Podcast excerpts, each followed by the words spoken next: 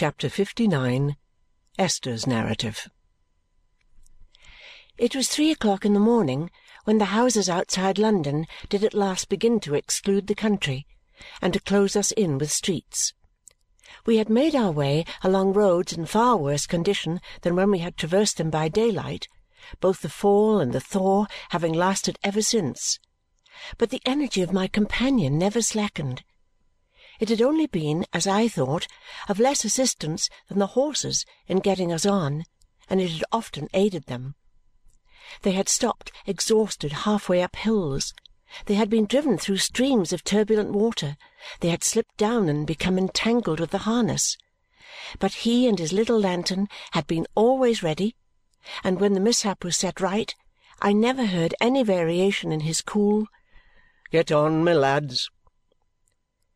The steadiness and confidence with which he had directed our journey back I could not account for. Never wavering, he never even stopped to make an inquiry until we were within a few miles of London. A very few words, here and there, were then enough for him, and thus we came, at between three and four o'clock in the morning, into Islington.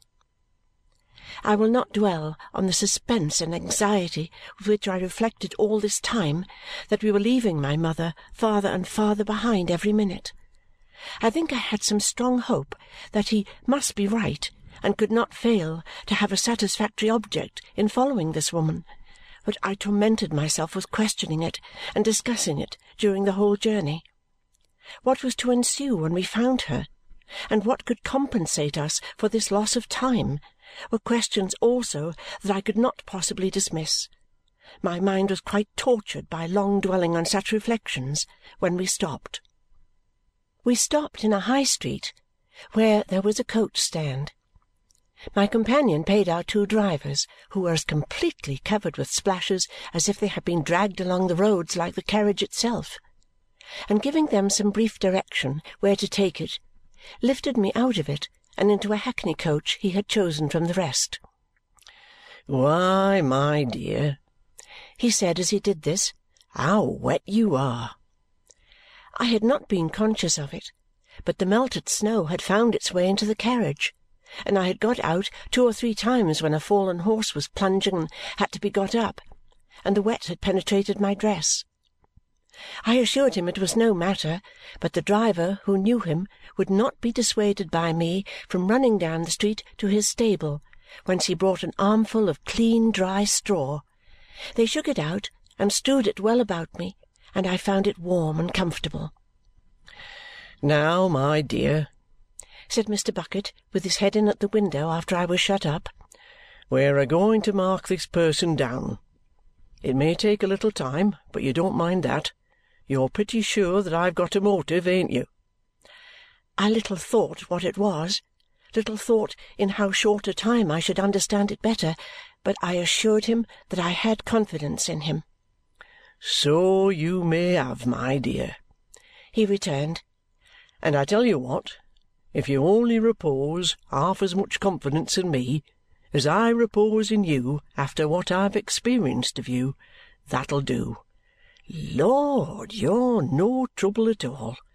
I never see a young woman in any station of society, and I've seen many elevated ones too, conduct herself like you have conducted yourself since you was out of your bed. You're a pattern, you know. That's what you are said Mr. Bucket warmly. "You're a pattern."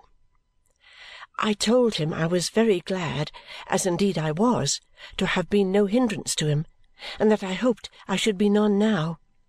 "My dear," he returned, "when a young lady is as mild as she's game, and as game as she's mild, that's all I ask, and more than I expect. She then becomes a queen and that's about what you are yourself."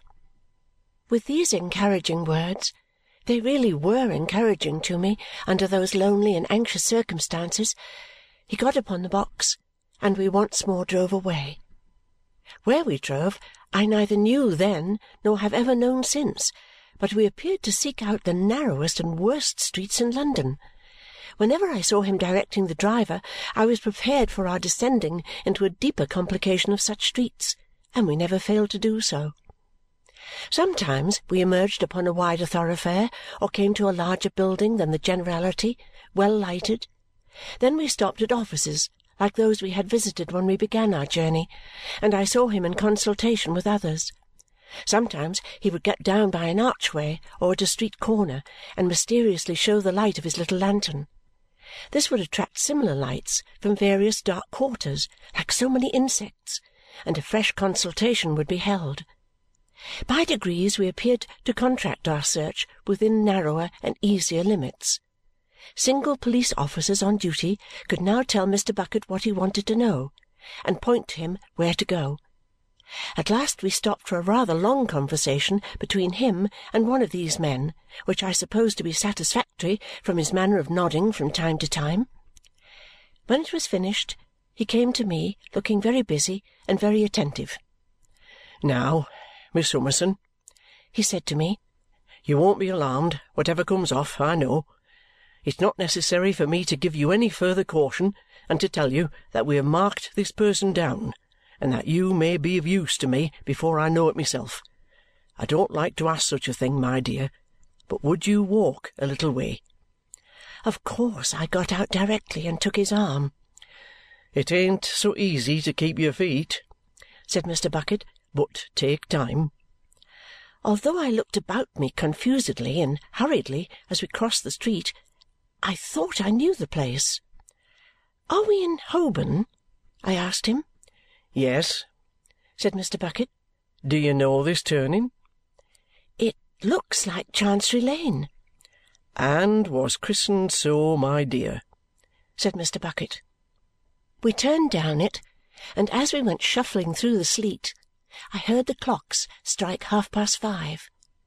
We passed on in silence and as quickly as we could, with such a foothold, when some one coming towards us on the narrow pavement, wrapped in a cloak, stopped and stood aside to give me room. In the same moment I heard an exclamation of wonder and my own name from Mr. Woodcourt. I knew his voice very well. It was so unexpected and, and so I don't know what to call it, whether pleasant or painful, to come upon it after my feverish wandering journey, and in the midst of the night, that I could not keep back the tears from my eyes. It was like hearing his voice in a strange country. "My dear Miss Summerson, that you should be out at this hour, and in such weather!" He had heard from my guardian of my having been called away on some uncommon business and said so to dispense with any explanation. I told him that we had but just left a coach and were going, but then I was obliged to look at my companion. Why, you see, Mr. Woodcourt," he had caught the name from me, "we are a-going at present into the next street. Inspector Bucket." Mr. Woodcourt, disregarding my remonstrances, had hurriedly taken off his cloak and was putting it about me. "That's a good move, too," said Mr. Bucket, assisting. "A very good move." "May I go with you?" said Mr. Woodcourt. I don't know whether to me or to my companion. "Why, Lord!" exclaimed Mr. Bucket, taking the answer on himself. "Of course you may!" It was all said in a moment, and they took me between them, wrapped in the cloak. "I have just left Richard," said Mr. Woodcourt. "I have been sitting with him since ten o'clock last night." "Oh, dear me! He is ill?" No, no, believe me, not ill, but not quite well. He was depressed and faint. You know he gets so worried and so worn sometimes, and Ada sent to me, of course. And when I came home, I found her note and came straight here. Well, Richard revived so much after a little while, and Ada was so happy and so convinced of its being my doing, though God knows I had little enough to do with it that I remained with him until he had been fast asleep some hours. As fast asleep as she is now, I hope. His friendly and familiar way of speaking of them, his unaffected devotion to them, the grateful confidence with which I knew he had inspired my darling, and the comfort he was to her, could I separate all this from his promise to me? How thankless I must have been if it had not recalled the words he said to me when he was so moved by the change in my appearance! I will accept him as a trust, and it shall be a sacred one. We now turned into another narrow street. "Mr. Woodcourt," said Mr. Bucket, who had eyed him closely as we came along, "our business takes us to a law stationer's here, a certain Mr. Snagsby. What? You know him, do you?" He was so quick that he saw it in an instant.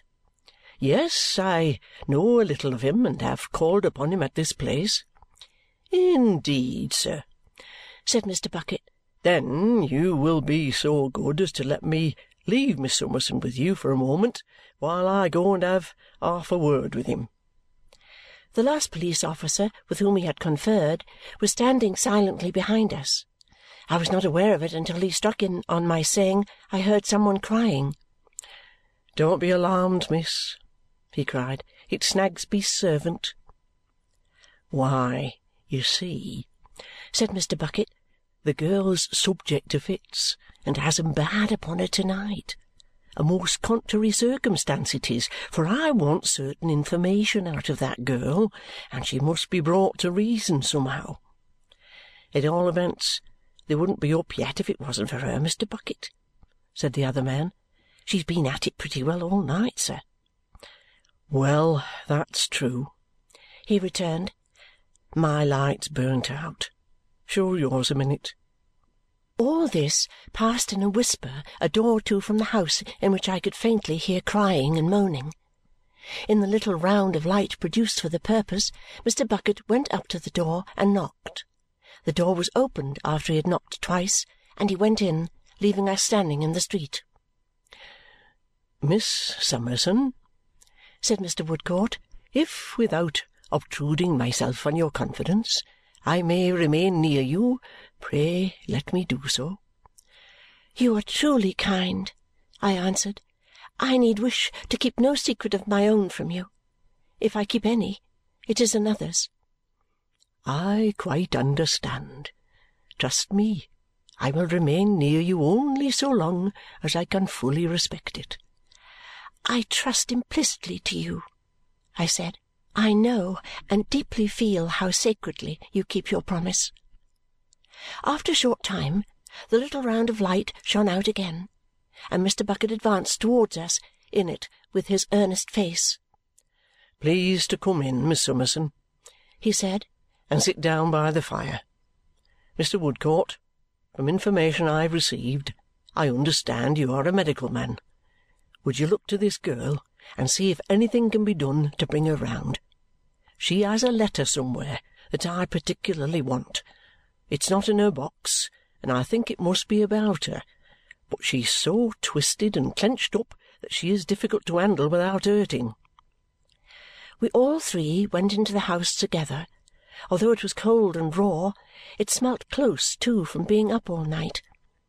In the passage behind the door stood a scared, sorrowful-looking little man in a grey coat who seemed to have a naturally polite manner and spoke meekly. "Downstairs, if you please, Mr. Bucket," said he. "The lady will excuse the front kitchen. We use it as our work-a-day sitting-room. The back is Guster's bedroom, and in it she's a carrying on, poor thing, to a frightful extent." We went downstairs, followed by Mr. Snagsby as I soon found the little man to be. In the front kitchen, sitting by the fire, was Mrs. Snagsby, with very red eyes and a very severe expression of face. "My little woman," said Mr. Snagsby, entering behind us, "to waive not to put too fine a point upon it, my dear hostilities for one single moment in the course of this prolonged night, here is Inspector Bucket, Mr. Woodcourt, and a lady." She looked very much astonished, as she had reason for doing, and looked particularly hard at me. "My little woman," said Mr. Snagsby, sitting down in the remotest corner by the door as if he were taking a liberty It is not unlikely that you may inquire of me why Inspector Bucket, Mr. Woodcourt, and a lady call upon us in Cook's Court, Cursitor Street, at the present hour. I don't know. I have not the least idea. If I was to be informed, I should despair of understanding, and I'd rather not be told. He appeared so miserable sitting with his head upon his hand, and I appeared so unwelcome that I was going to offer an apology when Mr. Bucket took the matter on himself. "Now, Mr. Snagsby," said he, "the best thing you can do is to go along with Mr. Woodcourt to look after your Guster." "My Guster, Mr. Bucket!" Cried Mr. Snagsby. "Go on, sir, go on. I shall be charged with that next." "And to hold the candle," pursued Mr. Bucket without correcting himself, "or hold her, or make yourself useful in any way you're asked. Which there's not a man alive more ready to do, for you're a man of urbanity and suavity, you know, and you've got the sort of heart that can feel for another. Mr. Woodcourt would you be so good as to see to her, and if you can get that letter from her, to let me have it as soon as ever you can?"